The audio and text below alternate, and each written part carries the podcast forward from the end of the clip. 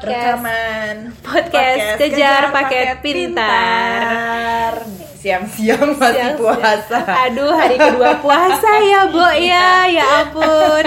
Minta tips dong buat podcaster dan penyiar ini gimana cara mengatasi house-house Kita ngepeng. ingin cuap-cuap gitu Ingin ya cuap-cuap. Dan mudah-mudahan ini cuap-cuapnya nggak membatalkan puasa kami berdua mengurangi pahala sih nggak tahu ya. Nggak tahu juga ya Batal sih insya Allah nggak. tahu gitu Karena so tahu banget. Aduh Iya, Nah, jadi tema ini kali em, tema kali ini adalah eh, sebenarnya sih nggak nggak disengaja dengan bulan suci Ramadan ya, Iya, iya. tapi kebetulan kali ini kita mau membahas sebuah film yang memang mengangkat tema agama. Betul Nah, film apakah itu?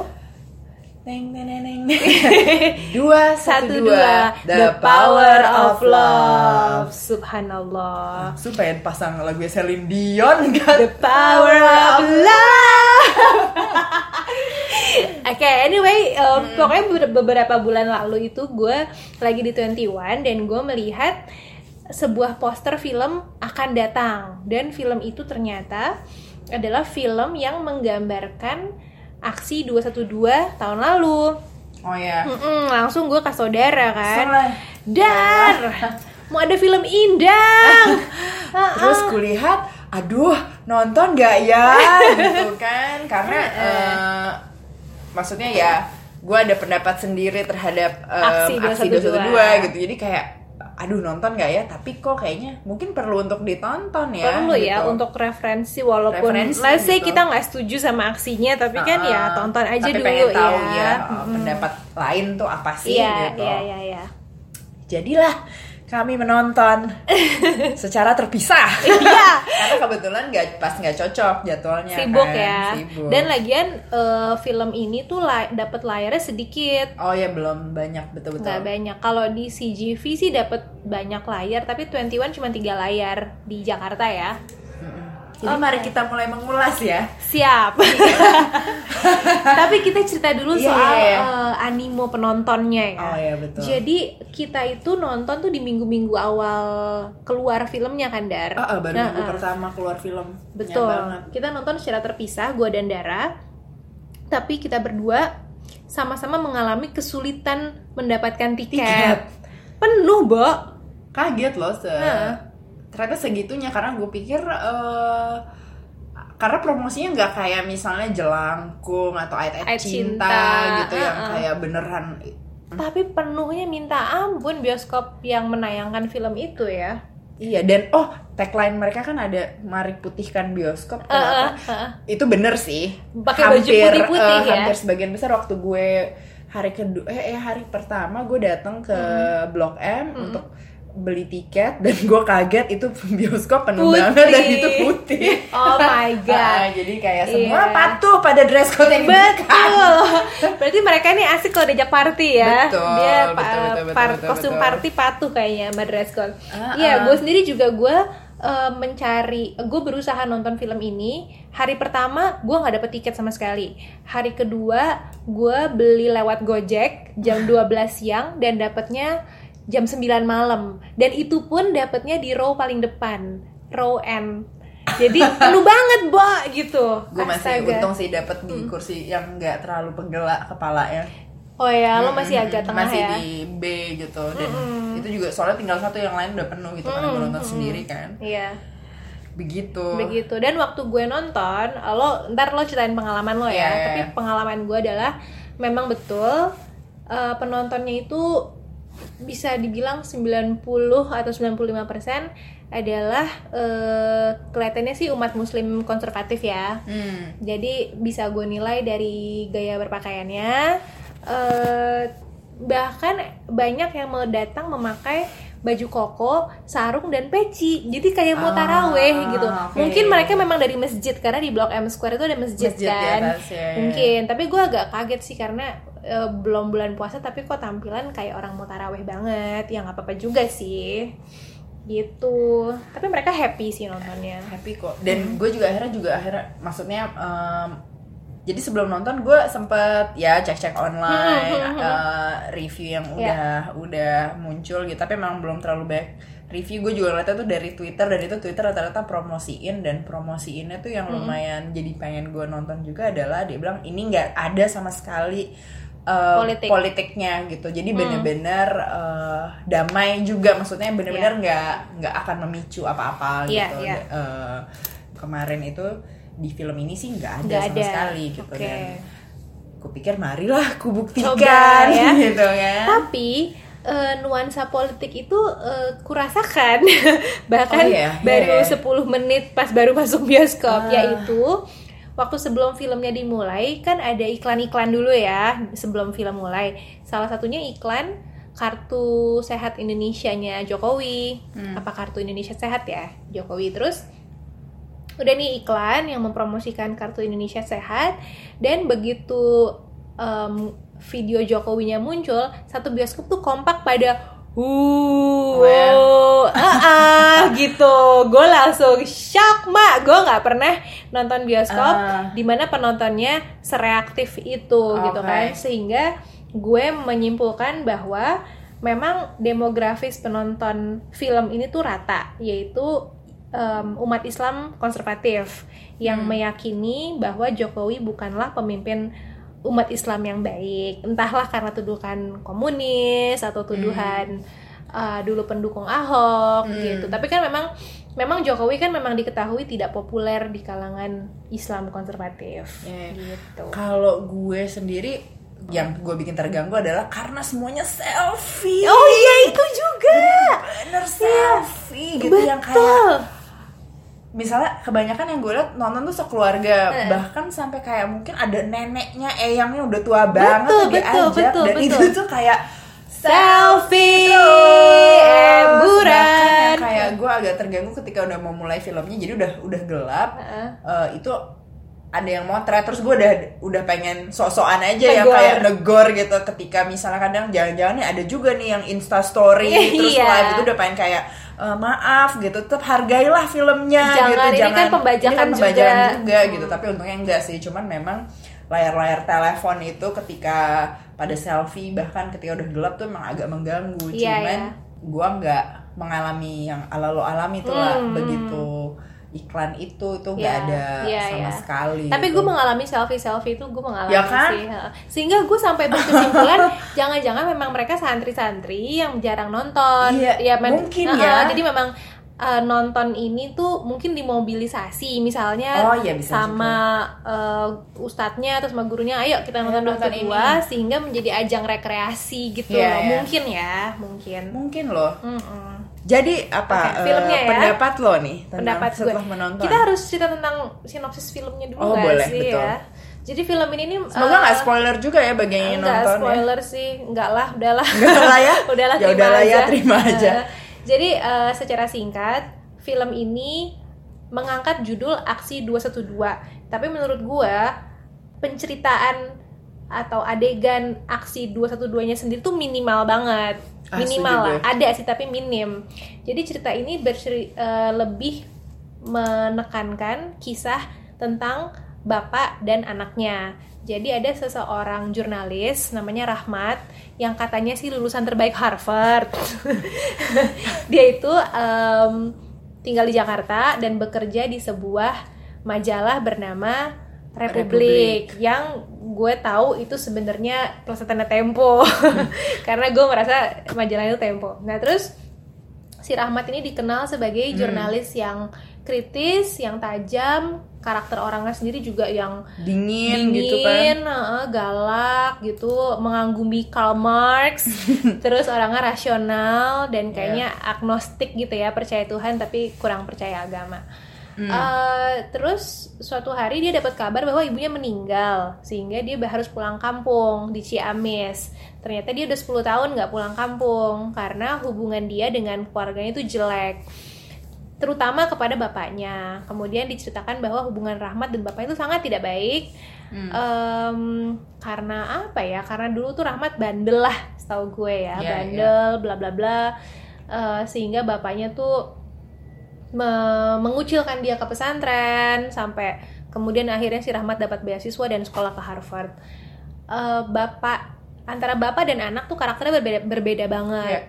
Si Rahmat itu ya tadi yang seperti gue bilang, sementara bapaknya itu sangat alim, seorang kiai, kiai terkenal, Kiai Zainal Di- namanya di di Ciamis. di Ciamis itu eh, orangnya tuh guyup, punya banyak teman, punya eh, banyak eh, apa namanya pengikutnya gitu kan. Sementara Rahmatnya yang loner gitu. Hmm.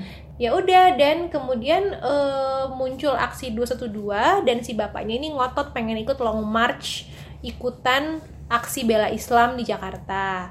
Rahmat tuh melarang-larang, Mm, melarang karena takut kenapa-napa ya. Karena takut- bapaknya sakit, sakitan bapaknya sakit-sakitan takut takut ada apa-apa lah takut ada kericuhan juga di aksinya tapi bapaknya ngotot akhirnya rahmatnya ngalah lalala lalilu debat-debat ini itu dan pada akhirnya ya rahmat em, kayaknya kembali ke haribaan Islam deh kalau nggak salah sih gitu Iya. kesimpulan yang gue tangkep jadi mungkin dari sinopsisnya aja eh, pendengar bisa menyimpulkan aksi 212 tuh hanya dijadikan latar doang, Ya, tapi bukan setuju. inti cerita. gue setuju sih eh, bahwa apa namanya konflik yang lebih maksudnya mereka terinspirasi the true event gitu ya. Hmm, tapi terasa banget itu jadinya cuman latar gitu. Hmm, ujungnya kita bapaknya mau ke sana terus ya udah konflik di antara sebelum menuju Iya. aksi itu tuh uh, Hmm. ada konflik itu gitu konflik Iya. antara bapak. Tapi beneran si aksi kenapa ada aksi itu itu nggak terlalu tergambarkan secara jelas kenapa tiba-tiba uh, masyarakat uh, ingin turun ke jalanan gitu Betul. bahwa bela agamanya tuh kenapa gitu Nggak- nggak jelas. nggak, nggak gitu Nggak jelas, jelas. gitu nggak gitu jelas jadi kayak oh mungkin ini yang mereka bilang nggak apolitis gitu ya Iya, Eh, iya, iya. nggak Ha-ha. nggak politis Nah, gitu. gue gue hal itu setuju banget dan gue mau mengutip tulisan dari tirto.id Iya, karena tirto.id juga membuat ulasan tentang film ini dan ada beberapa paragraf yang gue setuju. Jadi dia bilang bahwa film ini kan eh, bilangnya mau mengangkat cerita tentang 212. Mm-mm. Namun sejak awal kita justru diajak untuk melupakan konteks politik gerakan protes yang hanya ditampilkan sesaat melalui siaran berita di televisi. Hmm. 212 The Power of Love rupanya malu-malu menjelaskan mengapa ribuan, mungkin jutaan orang bisa bergerombol di Monas untuk memprotes sesuatu yang mere- mereka yakini sebagai tanda kutip penistaan agama. Hmm. Sasaran demonya pun tak jelas. Tak disebut siapa yang menista agama. Hanya ada petunjuk samar bahwa umat bergerak karena pernyataan seorang pejabat yang dianggap menghina Islam. Respon umat diwujudkan dengan jalan kaki ke Monas atas nama cinta. Cinta apa? Cinta Allah dan cinta Quran. Kira-kira itulah yang terus diulang oleh Kiai Zainal dan sejumlah karakter lain dalam film ini. Nama pejabat yang dituduh menghina Islam serta proses kemunculan tudingan itu sendiri bahkan tak diungkit. Juga tak tak sedik eh sorry juga tak disinggung sedikit pun konteks pilkada Jakarta yang melatar belakangi aksi 212. Eh, pengaburan konteks ini jelas mengherankan, padahal itulah yang mengikat Power of Love dengan penontonnya. Lagi pula, untuk sebuah gerakan yang terus dibanggakan para alumninya karena telah membuat keok seorang petahana dan mengirimnya ke penjara, tidakkah mengherankan jika unsur-unsur kunci dalam gerakan itu justru tidak dihadirkan? Jawabannya mungkin sangat sederhana. Persis seperti gerakan 212, film Power of Love berusaha untuk tampil apolitis, padahal politis. Jika gerakan 212 selalu membranding diri dengan sebagai gerakan dakwah seraya menyangkal hubungan antara aksi bela Islam dan Pilgub Jakarta 2017, demikian pula filmnya yang tampil apolitis lewat jualan konflik bapak anak dan kesalehan individual dengan embel-embel cinta. Iya. Gitulah kurang lebih. Betul. Setuju nggak lo? So, eh, konfliknya tuh antara kayak kesannya Hmm. eh, Islam versi bapaknya sama Islam versi Anaknya. eh, eh, interpretasi anaknya gitu. Betul, betul. Eh, mungkin kalau kon- kontennya gitu ya kisah Hmm. aksi 212-nya em, ya udah gitu menurut gue jadinya Hmm. memang nggak diangkat sama sekali ya cuman selewat aja gitu Hmm, terus hmm. jadinya aku seperti menonton sinetron aja sinetron, Ah, sinetron, sinetron aja gitu, bahwa- Harusnya jangan pakai judul 212 malah ya. mungkin ya Heeh. Heeh, karena beneran peristiwa 212 itu kan kompleks gitu kan Iya. maksudnya eh, kalau nggak digali lebih dalam di riset lebih dalam tuh ya jadinya mungkin nggak akan dapet eh, Esensinya. gitu ya di film ini sih menurut gue ya emang nggak dapet sih Iya, nggak esensinya dapet. terus jadi ya aku seperti menonton sinetron. aja dan dari Aku merasa tertipu sih. Kirain tuh mau cerita soal aksi 212 penasaran, dari sudut Penasaran. pandang Islam konservatif. Eh, Gue eh, sih dan sudah yang bikin eh, film inilah gitu. Ah. Dan dari segi teknis tuh banyak yang agak kacau. Oke, Agak kacau sorry, teknis kita bicara Iya. ntar dulu ya. Ah, ah. Kita bicara soal nilai-nilai Nilai. dulunya. Oke. Ah, Sampai keselak gue. Ada beberapa hal yang membuat gue tuh agak eh, terganggu gitu ya. Salah satunya adalah eh, film ini tuh mencekoki penonton bahwa Islam adalah sesuatu yang harus diyakini secara absolut, bukan cuma ajarannya tapi umatnya. Jadi gini, em, Rahmat kan jurnalis, ya wajar dong kalau dia kritis, gitu ya. Wajar kalau dia berusaha menggali fakta-fakta di balik aksi 212. Kita kan nggak boleh menyangkal total bahwa aksi 212 tuh ada ada muatan politiknya gitu ya. Ya pasti banyak umat yang bergerak ke Monas murni karena ingin membela agama, tapi kita nggak boleh tutup mata atau kita nggak boleh deny bahwa konsekuensi setelah Uh, uh, itunya ya. konsekuensi setelah itu dan plus gerakan itu pun juga sedikit-sedikit ada yang menyetir juga gitu ya maksudnya itu nggak susah untuk kita deny sama sekali. Ya sebagai jurnalis kan Rahmat harus dong menggali fakta-fakta itu ya dari berbagai angle. Tapi film ini dari awal tuh menyatakan bahwa gara-gara Rahmat kritis dia adalah kafir gitu. Ah lo eh, mengkhianati agama lo sendiri. Itu bahkan dialog itu terjadi dalam 10 menit pertama film itu ya. Jadi si Rahmat menulis artikel yang kritis terhadap gerakan aksi 212 terus teman sesama jurnalis itu mengkritik dia. Ah lo nama doang Rahmat gitu kan. Eh, tapi kelakuan lo menghina agama lo sendiri. Apakah kritis itu berarti menghina? Ya kan karena dia nggak dia nggak bilang aksi 212 itu jelek gitu. Dia nggak bilang bahwa ini adalah aksi em, barbar gitu di artikelnya enggak dia cuman kan berusaha me- menyajikan fakta yang harusnya terverifikasi Artikel yang ditulis sama Rahmat kan nggak terlalu ya dia Hmm. Nggak di- dijabarin dijabarin sih. Hmm. kan cuman dibaca gitu aja gitu. Jadi kayak yang dibaca kutipannya sama temennya aja itu menurut gua ya memang sebagai jurnalis Iya. harus kritis gitu. Terus nggak nggak kayaknya nggak ada menjelekannya gitu enggak kan. Yang dikutip tuh ini eh, aksi 212 ditunggangi Nah, gitu eh, kan. diduga ditunggangi, Diduga ditunggangi. eh, eh, oleh em, politisi gitu kan. Mm-hmm, Ya kalau memang ditunggangi terus kalau memang faktanya seperti itu ya say terus kenapa kita harus marah gitu? Kenapa? Iya, dan eh, itu kenapa langsung diklaim menjelekan gitu Iya, kan. iya. Itu konsisten. Film ini tuh konsisten menjelek-jelekan orang yang berusaha kritis terhadap Islam. Itu itu gue itu itu apa sih hawa yang gue tangkep ya. Iya, iya, iya, iya. Padahal gini, maksudnya film ini menyatakan kalau lo punya keraguan terhadap Islam, kalau lo kritis terhadap gerakan Islam ya, suatu gerakan Islam, maka lo kafir, maka lo musuh Islam. Langsung begitu. Sorry, Iya. bukan keraguan terhadap Islam, tapi keraguan terhadap gerakannya kan, 212. Pokoknya lo harus meyakini total 212 adalah gerakan damai, gerakan cinta, Al-Quran, nggak ada maksud lain dari itu. Kalau lo ragu, kalau lo kritis, kalau lo berusaha mengulik fakta Lo yang kafir, ya. berseberangan dengan kepercayaan itu, maka lo kafir. Aduh, gue kan kesel ya, gue kan manusia, gue punya akal budi yang harus gue gunakan dong. Kalau gue mau kritis, kalau larang sih. Ya it- it- Gitu. itu itu juga eh, sama sih hawa Hmm. yang gue dapet juga karena misalnya Nah. setiap misalnya Rahmat Hmm. berinteraksi sama bapaknya itu juga gitu kan bahwa ketika Rahmat bertanya bap mungkin bapaknya nggak bisa mengelaborate lebih lanjut itu udah langsung kayak "Ka- udahlah kamu nih eh, kafir, Kafir." memang nggak ini terus habis itu dia interaksi lagi sama teman masa kecilnya yang Iya. adiknya itu Iya. yang memang anak rohis Iya. gitu Mm.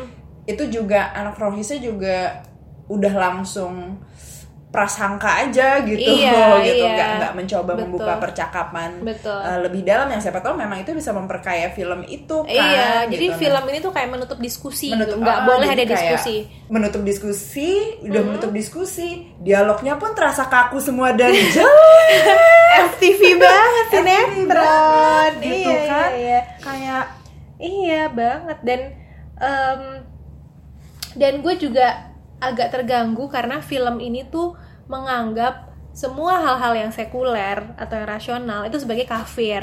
Jadi misalnya si em, Rahmat cerita bahwa waktu mas dia sempat ngobrol sama si Ab- tokoh Abrar ini yang adiknya Yasna itu loh. iya, iya. adik teman masa kecilnya dia bilang bahwa jadi si adiknya Yasna ini tokoh Abrar ini ceritanya baru mau masuk kuliah. Terus si Rahmat bilang wah asik dong jadi mahasiswa. Eh, gue dulu seneng banget jadi mahasiswa. Dulu gue suka ikut organisasi ikut dis, Demo juga. bedah heeh, bedah sastra diskusi demo terus eh, ya gitulah ikut ajaran teologi. Dan itu langsung dibantah sama adiknya. Tidak kak gitu kan. Saya ini mau masuk Al Azhar saya mau belajar agama pokoknya si adiknya itu memberikan pesan bahwa gue nggak mau ikut-ikut hal duniawi kayak lo karena nanti gue jadi sesat kayak lo gitu dan loh. lo bisa bisanya nulis seperti itu ah, gitu dan kan. nanti gue akan jadi orang kayak lo yang yang nulis kritik tentang agamanya sendiri gitu kan. Orang macam apa itu. Jadi film ini tuh bener-bener pengen mematikan golongan sekuler dan ra- dan yang rasional gitu. Lo hal-hal yang berbau sekuler dan rasional tuh jelek aja pokoknya. Gitu deh dan profesi jurnalis tuh sampai dianggap jelek gitu di, dikesankan jelek lah di film itu ya. Iya itu betul sih. Akika kan marah Rusli kesel gue. Aduh tapi Fauzi Badillah memerankan sebagai jurnalis ya aja. jelek banget Ah, apa karena udah udah lama nggak main film ya? Terakhir gue nonton Fauzi Badillah tuh kayak udah lama Apa banget sih filmnya tuh? apa yang naga atau apa gitu. Apa film laga deh itu Iya. kayak agak lumayan. Padahal ganteng sih dia sebenarnya. cuman ini nih bisa dia mau menggambarkan dirinya tuh dingin. Heeh. em, cuman lebih kayak crazy eyes. Crazy eyes. Langsung kayak lagi nahan ngantuk terus matanya gitu terus. Beneran deh. Terus eh, dia mengutip Karl Marx. Dia mengutip Karl Marx gitu gue sih nggak teryakinkan gitu. Iya. kalau dia memang eh, betul-betul suka Karl eh, Marx. atau jurnalis yang me- melahap macam-macam eh, scholars gitu yang Eh, eh. bisa ya kayak Karl Marx siapa siapa gitu. Atau pun eh, nggak yakin nggak teryakinkan dia lulusan terbaik Harvard. Padahal itu yang diulang-ulang mulu. Saya adalah lulusan terbaik Harvard. Yang mana? Lo lihat gak sih ada foto em, Foto foto yang yang, dia foto sama teman-temannya lulusan. Ya kayak ya Allah itu kelihatan banget tempelan. Photoshop. Photoshop bersama lulusan Harvard yang lain. Subhanallah. Nggak nggak dapet em, credibility itu tuh nggak Nggak- nggak dapet muncul. nggak terembody di Fauzi memang. Fauzi Fauzi Badillah tuh kayak bener-bener ngafalin skrip doang kayak ngafalin skrip beneran Heeh. kayak bener-bener ngafalin skrip jadi iya eh, ngomong bahasa Inggrisnya aja juga sepotong-sepotong gitu Iya. kalau ceritanya mau menggambarkan dulu lama di ha- Luar negeri. gitu ya Iya. gitu itu tuh juga juga nggak nggak dapet nggak dapet banget ya Allah jadi emang terus udah gitu ya intonasi dialognya tuh yang seragam makanya. nana nana nana nana nana pokoknya gila deh udah crazy eyes dia eh, intonasinya monoton.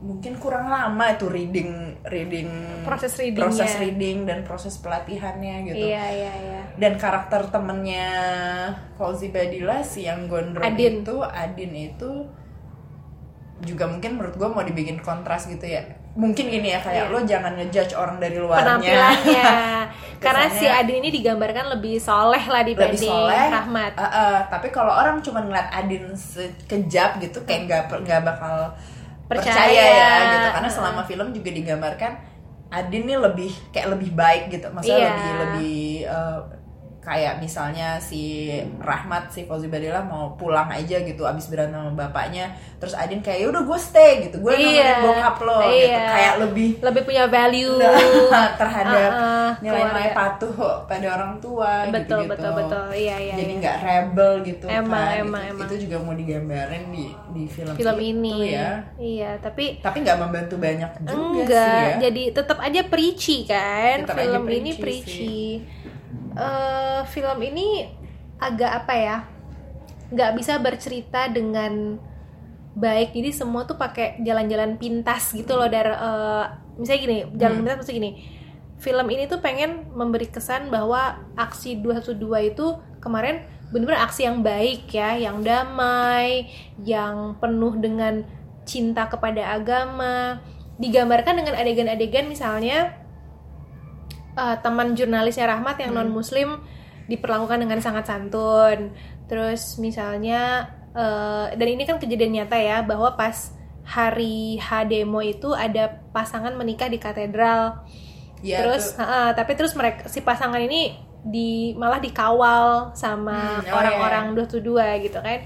Ya kita nggak kita nggak pungkiri kok bahwa kedamaian itu ada di aksi 212 tapi menurut gue si sutradara tuh eh, mengambil jalan pintas untuk menekankan kepada penonton bahwa hey 212 tuh adalah gerakan yang positif ya gerakan Hmm. yang baik dan lo nggak boleh prasangka buruk lo harus mendukung Iya. tapi itu menurut gue dengan jalan jalan pintas gitu ngerti gak sih lo Iya, iya, adegan-adegan yang pengen membuat kita instantly believe bahwa aksi ini baik dan damai gitu lah sebel iya jadi bet- itu gue setuju sih jadi selama Hmm. film gue nggak merasa dua eh, peristiwa 212 itu digali dengan lumayan dalam, Dalam. gitu jadi Hmm. cuman dapat ya konflik gitu aja ala ala Iya. sinetron sama teknisnya juga kan teknisnya sih minta Ah, ah, ampun ada beberapa adegan yang green screennya tuh kelihatan banget.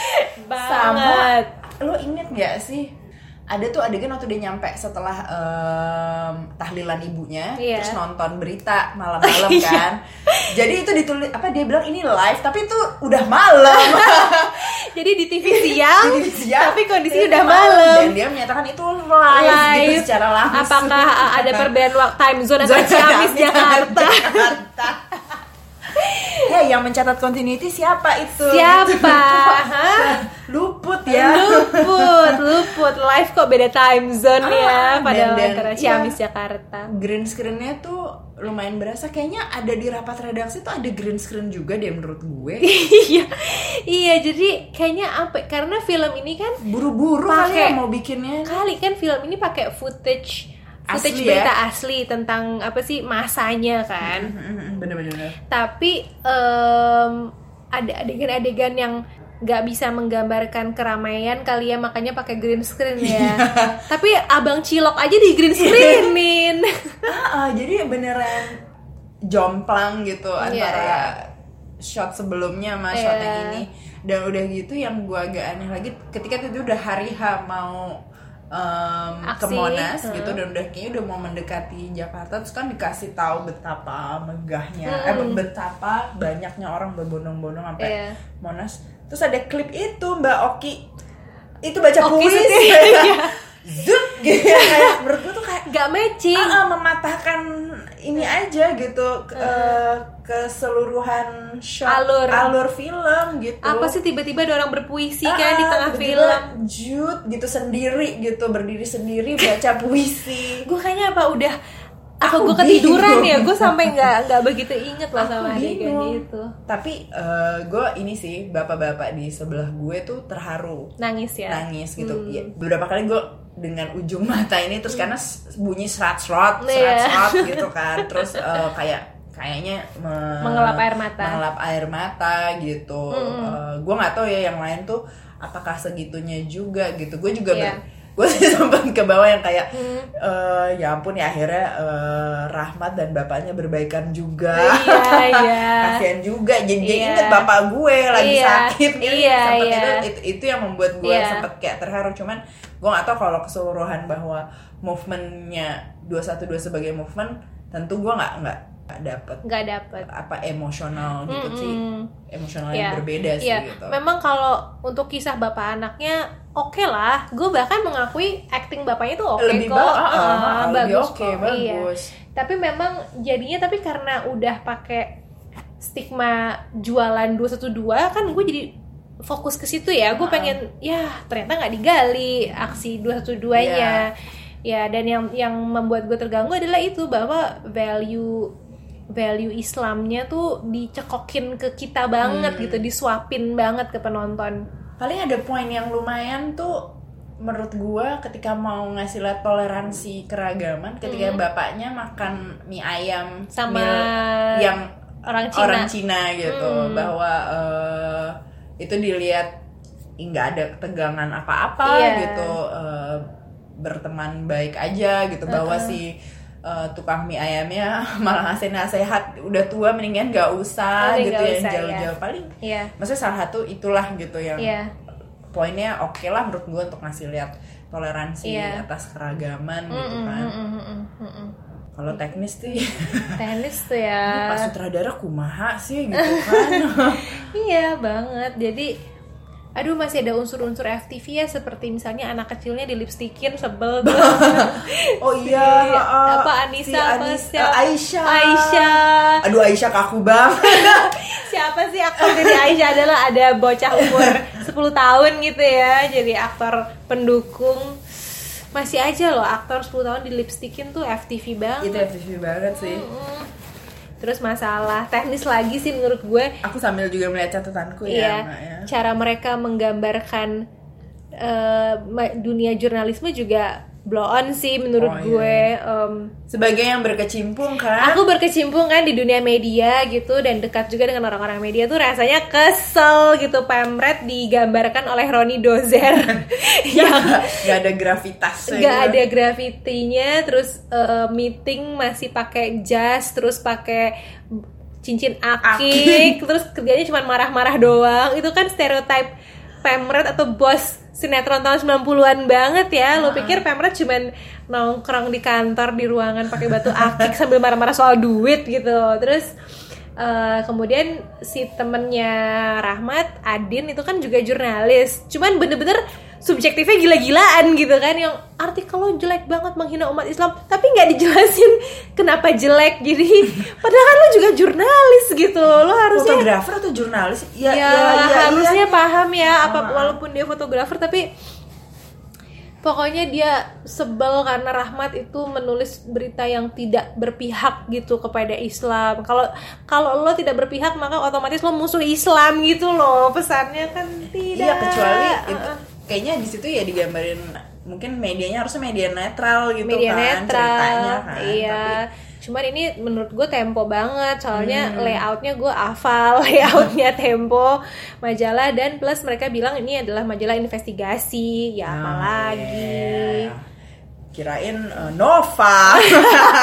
Investigatif kan iya. Nova oh mama oh papa tapi investigasinya Ah, gitu kalau tapi iya Nova sih itu. gitu emang peng- peng- penggambaran penggambaran karakternya yang dibangun harusnya sebagai jurnalis harus sebagai pemimpin redaksi itu sama sekali. Nggak ada risetnya nggak ada apa kayaknya. stereotype semua? Ah, ah, dan itu sih lah yang gue sama lo. Apa? Manggil Pak Pemra tuh bas bos. Ya. maksud gue siap bos. Iya bos. Ya bos. Oke bos. Wah ya gimana sih bos? Gitu kan. Kayak ini kayak eh, apa sih Tetris tak zaman dulu tau iya lo? dan bego lo. feeling iya feeling lo. gue kayaknya di hari ini bahkan kantor yang selumayan seformal apa sekaku apa lembaga mungkin lembaga pemerintahan kayaknya nggak ada yang manggil Bos bosnya lagi. bos deh. Ya nggak sih? Pak gitu. Iya. Ah, ah, pak atau ini tuh mas. se- seaneh. Ini kayak bos kayak mafia, Tapi gitu. Seaneh eh, partai apa tuh? Partai baru tuh? PSI ya. PSI ya. Manggilnya brosis. Oh ya berarti antar kader manggilnya brosis itulah. Itu itu yang maksud gue menerjemahkan dengan blow on gitu loh. Iya, iya, iya. lo muda kan nggak harus brosis gitu ini sore jadi nyambung ke PSI deh. Tapi iya sih itu Hmm. gam- gambaran jurnalismenya tuh agak-agak agak-agak lumayan ah, lumayan parah sih. Sama oh ya ini gue mengutip lagi dari Tirto ID lagi ya. Eh, ah, sorry karakternya si Fauzi Badila si Rahmat tuh kan mau digambarkan sangat berseberangan dengan bapaknya gitu kan yang agnostik dingin keras dan suka Karl Marx Ya, dan eh, kata Tirto Power of Love rupanya sedang memainkan salah satu klise terbesar dalam politik Indonesia, yaitu orang yang mengkritik peran agama dalam politik pasti ateis. Ateis jelas komunis. Komunis tentulah anti agama. Tentu peristiwa 65 dan warisan Orde Barulah yang membuat Marx jadi sasaran empuk di sini. Dan mungkin inilah cara termudah menanggapi kritik terhadap 212, melabeli si pengkritik sebagai komunis, ateis, atau PKI. Itu baik lagi ke poin gue yang pertama sih, bahwa siapa pun yang mengkritik aksi ini pasti ateis atau komunis gitu loh. Jadi Iya. klise banget. Ya karena si Rahmatnya suka sama Karl Marx, semakin menekankan wah ini pasti ateis nih pantasan aja nggak membela bapaknya gitu Mm-mm, dan terus juga kayaknya kedalaman rahmat atas eh, Karl Marx, Karl ya. Juga nggak ada cetek ya kayaknya cuma nyari di lo lihat gak sih ada shot yang kayak dia Hmm. ada Google terus kayak lagi nge-search Karl Marx lo kalau suka Karl Marx kasih lo Google Ah, jadi pas kayaknya waktu dia dia mau ngambilin dia ngambil apa sih tempat sampah gitu Iya, loh mau iya. ngasih lihat surat-surat ancaman Iya, ya iya, ke iya. dia gitu Iya, terus kayak betul. dikasih sedikit lah itu gua rasa sih ada ada tujuannya emang kayak ngambil gambar eh, desktopnya Ya. itu tuh ada lagi Google. Ada gambar. Karl Marx. Dan wallpaper uh, laptopnya Karl Marx ah, banget. ah. tapi gini uh, apa uh, gue tuh ngakak banget karena si Tirto juga mempoint out ya bahwa si si Rahmat kan suka mengkutip Karl Marx. Ada beberapa kutipan. Terus salah satu kutipannya salah. Oh gitu? Jadi tuh nggak ada paham soalnya. Ya Allah nih ya gue gue gue cari dulu nih Heeh. Karl Karl Marx. Marx itu dalam sejarah ada dua dar pertama ada Karl Marx yang penulis Das Kapital Oh, no, penulis Das Kapital. Ah, ah. Yang satu lagi adalah seorang komposer atau apa gitu. Oh. Dan si tim eh, tim penulis skenario nya tuh mungkin mencari Google Karl Oh Marx my. quotes gitu kan? Dan dapat satu quote yang berasal dari Karl Marx yang kedua bukan yang pertama. Anjrat itu gue ngakak jadi si Tirto bilang hey tim riset itu salah. Salah kutip. Aduh. Aduh mau nangis. Aduh. Sama rombongan tiba di pas begitu nyampe nyampe Monas lah Monas bohong-bohongan tuh yang tiba rombongan artis-artis sinetron yang jadi cameo untuk Iya. itu ya. Iya. Banyak aduh sekali. siapa aja sih? Oh, yang ku hafal Ari Untung. Ada Ari Untung terus ada Irwan Syah ya kalau nggak salah lupa ah, deh gue. tahu gue. Sisanya gue nggak tahu sih tapi Peggy Melati Sukma Peggy ya. Udah lama sekali gak liat Peggy Melati kangen Sukma. kangen. Gue. Kangen dingin ada banyak cameo. Tapi terus gue sebel ketika cameo artis-artis itu tuh pada memberikan info yang salah. Jadi kan eh, geng 212 tuh kan selalu mengklaim bahwa mereka bahwa masa yang datang ke Monas itu sejuta sejuta lebih. Hmm. padahal tuh kenyataannya kalau dari taksiran ya itu cuma 800-an 800 ribu. Tapi ada dialog begitu dialog yang wah banyak juga ya nih. Kira-kira berapa nih ya satu juta dapat kali ya. Ah ini pasti 2 juta gitu loh. Jadi Ah, ada sebenarnya padahal aslinya nggak nggak ya. sebanyak itu. Dari hasil taksiran beberapa media ya itu kurang lebih cuma 800 ribu orang. Terus ya udah terus kemudian ada dialog wah 2 juta orang semoga Pak Jokowi datang ya. Jadi itu kan kayak nyindir juga karena Jokowi kan nggak datang kan. Iya, iya, iya. terus kemudian mereka tuh memang film ini tuh kayaknya target audiensnya adalah para pendukung atau Nostalgia simpatisan dua- ya. Ah, dan mem- membesarkan hati mereka gitu kayak Iya. gila emang keren Mengingat ya dulu lagi, kita iya. eh, eh, meng- apa sih me- remember the glory days Iya, of 212 jadi bisa bisa mengklaim tuh bahwa 2 juta orang penonton dan eh sorry 2 juta Dan semua orang karena cinta dan semua gitu kayak kan. cinta. Jadi em, mereka mendinai yang jelek-jeleknya. Kita juga nggak bisa deny bahwa dalam aksi itu ada yang teriak ganyang Ahok gitu Iya. ya atau bunuh Ahok tuh ada Di kita aslinya kan? di aslinya kita nggak bisa deny terus efek setelahnya efek juga setelahnya efek persekusi efek bahwa ada sekelompok orang yang merasa menang karena bisa memenjarakan Ahok berdasarkan tekanan massal gitu kan ada juga ya tapi hal itu semua ditutupi dalam film ini film ini pokoknya semua cinta, Cinta. dan indah dan dan kayak dikasih lihat Rahmat tuh em, dingin begitu emang karena kurang cinta kasih kan karena digambarin Iya. dia sendiri nggak punya Iya, teman iya. gitu-gitu sampai ketemu Yasna. Asa ya Teh Yasna. Ya, Yasna bisa banget tuh jalan di jembatan terus pas ada, ada love iya emang. Dan itu pesan juga tuh nggak jalan berduaan kan tetap bertiga itu Nggak eh, boleh eh, jalan dalam film berdua. Islam ini nggak boleh berdua-duaan ya Mm-mm. Eh, ya gue nangkepnya kalau mereka berusaha netral nggak politis sama sekali gue yang kayak oh oke lah gitu Hmm. karena kan nggak digali lebih lebih Dalam. dalam kan Hmm. gitu cuman ya gue sih setuju kata lo mungkin gak usah pakai kata dua satu 112, dua ya mendingan gitu. lo bikin- inspired by true events gitu tapi Eh, tapi misalnya judulnya ayah dan anak misalnya ya gitu. gitu. karena Hmm. emang gue juga pertanyaan gue ini demo untuk siapa sih siapa yang mereka Iya. mereka marah atas siapa gitu kenapa Mm-mm. tiba-tiba mereka bikin gerakan ini gitu gue tuh berusaha open minded ya karena gue tuh suka banget sama kutipan Gunawan Muhammad. Gunawan Muhammad tuh pernah bilang bahwa kita harus selalu mencari kebenaran. Kita ya kita harus selalu mencari ke- kebenaran, menerima kebenaran. eh, bahkan jika kebenaran itu berada di tempat yang tidak kita sukai. Jadi maksudnya kita tuh nggak boleh mendinai sesuatu hanya karena kita nggak suka Oh, iya. sama sumber kebenaran itu. Misalnya, let's say, gue jujur aja gue kurang simpati sama Habib Rizik gitu ya. Tapi kalau suatu hari Habib Rizik melakukan atau berkata sesuatu yang benar, let's say benar, itu gue akan mengakui kebenarannya, bukan hanya karena mentang-mentang gue nggak suka Habib Rizik, terus gue Jadi, mendinai semua omongannya, nggak, gue nggak mau menutup pikiran. Makanya gue Iya, juga iya. nonton film ini, salah satunya itu gitu, Iya, karena gue iya, kan iya. nggak gue nggak terlibat dan gue kurang setuju sama aksi 212 tapi nah gue nonton ini siapa tahu gue mendapatkan pencerahan atau wisdom uh, Ah, iya.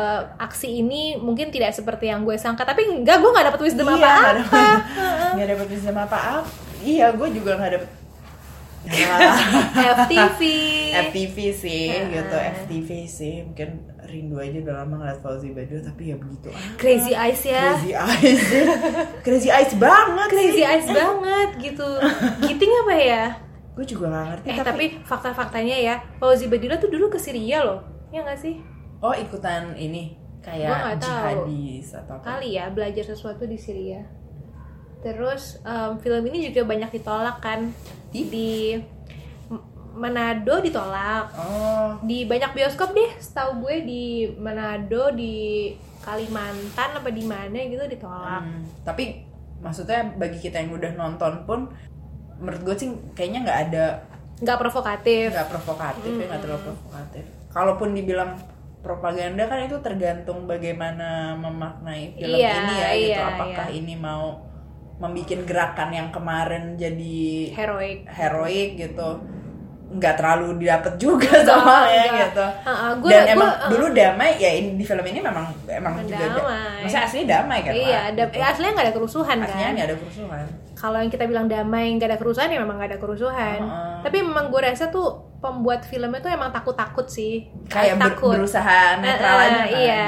J- jangan sampai sama Ah, gitu tuh takut. Sehingga mendinai jadi nggak memportraykan 212 dengan secara keseluruhan ya. Pokoknya yang indah-indahnya aja. Mungkin jangan dikasih nama 212 tuh emang buat narik penonton ya. Eh, buat jualan ya. Jualan sih Ah, emang untuk nostalgia banget, iya. eh, teman-teman yang dulu ikut aksi gitu Iya, kan jadi iya. kayak oh eh, Iya, tapi yang membuat gue agak terganggu adalah penonton film ini tuh banyak yang menonton film ini karena dimobilisasi gitu loh. Oh, Jadi iya yang sempat ada viral ada dosen, pokoknya di Universitas Islam something dosennya tuh Harus mewajibkan nonton. Hmm. mahasiswanya nonton, kalau enggak nggak dapet nilai gitu-gitu loh. Terus kayak orang-orang partai kali ya, Gerindra gitu ya pada mungkin. karena Pak Prabowo nonton sih Iya, pada nonton. Jadi kayak kemarin gue nonton di Blok M terus rame, mungkin juga mobilisasi dari sebuah pesantren Pesantren gitu kan, atau kelompok pengajian. Jadi gue nggak yakin seberapa seberapa banyak individu yang benar-benar menonton sendiri. Iya, dan mungkin kalau Hmm. kalau misalnya kayak dosen mewajibkan gitu tujuannya apa gitu ya misalnya Hmm. tulislah esai Iya, gitu iya, kan. iya. Terus tapi boleh sekritis apa gitu-gitu Hmm. kan. Penasaran juga gitu. Iya, iya. Gue tuh pas selesai nonton gue tuh lumayan bertahan sampai Akhir. akhir ya gitu. Nah, di akhir kan eh, ada tuh cuplikan foto-foto Gue nggak sampai akhir tuh, gue Oh. sampai jembatan doang. apa jembatan ada Hmm. foto-fotonya tuh lah foto-foto apa namanya foto-foto beneran eh, waktu 212 di sini jadi Oke. ada fotonya Habib Rizik gitu-gitu gitu gue tuh bertahan tuh alias pengen denger ini loh, Komentar. komentar orang-orang tapi nggak terlalu banyak sih Oh, nggak enggak ada ya. yang kayak oh bagus gitu yang kayak bapak sebelah gue sih memang menyukai, ini Menyukai, ya dan ya.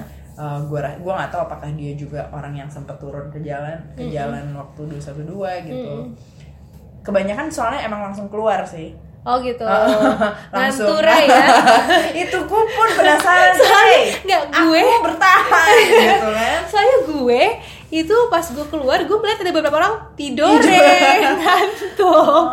Mungkin karena jam 9 juga sih ya, tapi ya ya ya, ya, ya. tidur mbak ngantura. Iya ya. Paling gue sempat dengar bapak-bapak sebelah gue em, ngomong pada saat si karakter eh, temannya yang perempuan temannya Yasna.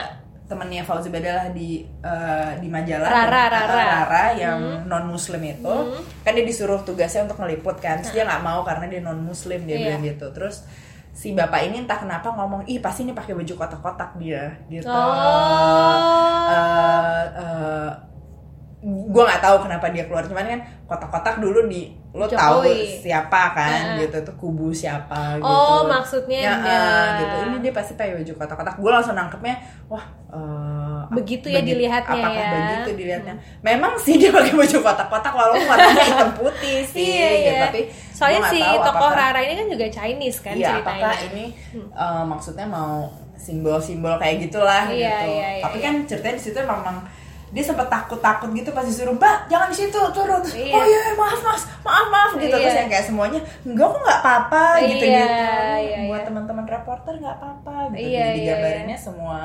demonstran itu kan eh, baik, santun, santun, kan? dan memperlakukan Rara dengan baik gitu Ah, ah, walaupun non muslim dan Chinese. Sama satu lagi sih waktu yang adegan green screen si Rahmat lagi duduk di Eh, di Monas. di eh, di pinggir yang ada Kang Cilok itu. Kan cilok green screen.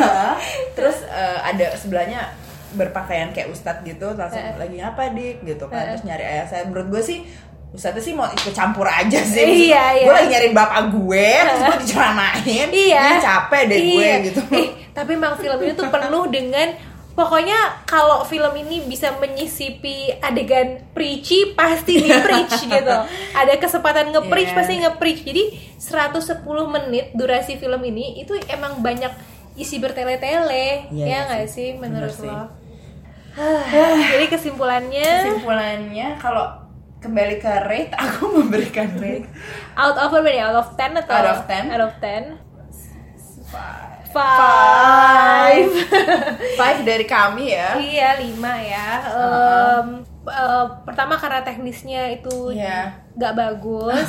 Level FTV sih Level sebenarnya. Dari actingnya juga Actingnya, kurang. eh, Kecuali risetnya. bapak ya bapak malah bagus sih Eh, bapak eh, masih Ki lumayan. Zainal teater mana nih? iya Ki Zainal oke sih Eh, eh, dari actingnya kurang bagus, risetnya kurang Bagus. bagus, terus um, misleading ya kita mengharapkannya mendapatkan angle dus- angle baru dari aksi Aksi 212 212, tapi nggak ternyata tahu. hanya jualan kisah ayah anak, anak. hanya jualan kisah sentimental betul memang betul sih apolitis tapi justru kan kita mengharapkannya ada wisdom politik baru dari film ini tapi Harapan, ternyata betul, tidak ada. Ah, ah. Jadi, Jadi agak kalau- shallow mak shallow tapi kalau buat teman-teman yang mau nonton sih silakan aja, silakan aja gitu. Eh, eh. maksudnya bisa menilai sendiri juga Iya, gitu film ini sama sekali nggak propagandis. Iya. Eh, tergantung siapa yang nonton sih, karena film ini preachy ya. Tapi kita cukup Iya. pinter untuk nggak kemakan. cukup, uh, cukup inilah uh, membuka hati dan pikiran untuk nggak untuk nggak nggak- termakan atau nggak jadi ya misalnya emosi emosi kecil-kecil gitu loh ya Iya, kayak kenapa iya. jurnalis digambarinnya kayak gini sih kenapa? Iya, iya, iya, kenapa harus orang kritis dikit langsung dicap kafir sih? Iya, gitu. iya, iya, iya, Ya, iya. tapi Oke, Fauzi Badila, kenapa sih giting ya? Ke coba Crazy coba ini uh, uh, ajak lah Fauzi Badila nih main lagi di film-film Oh, lain oh, gitu. biar terasah gitu loh kemampuan actingnya. kan dulu emang sempet hype ya Sempet hype dan ganteng sih menurut gue. Iya, ganteng, gue nonton ganteng. Fauzi Badila tuh ganteng.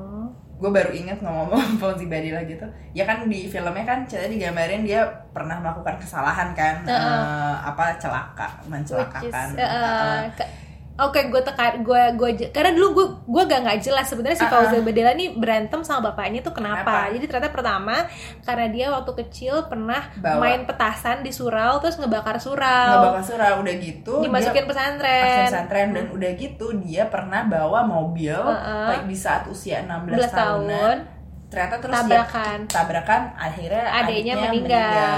Heeh. Ya terus pas udah gede gitu nggak pernah pakai seat belt tuh Mikirnya selama film Gue perhatikan Main masuk aja nggak pasang seat belt Bahkan nyetir Jakarta Ciamis nggak pakai seat belt. Apa nggak belajar pengalaman? Makanya kan Jadi ya patut sih bapaknya marah Karena dia nggak terlalu jelas sekali gitu kan Lela, lela, lela.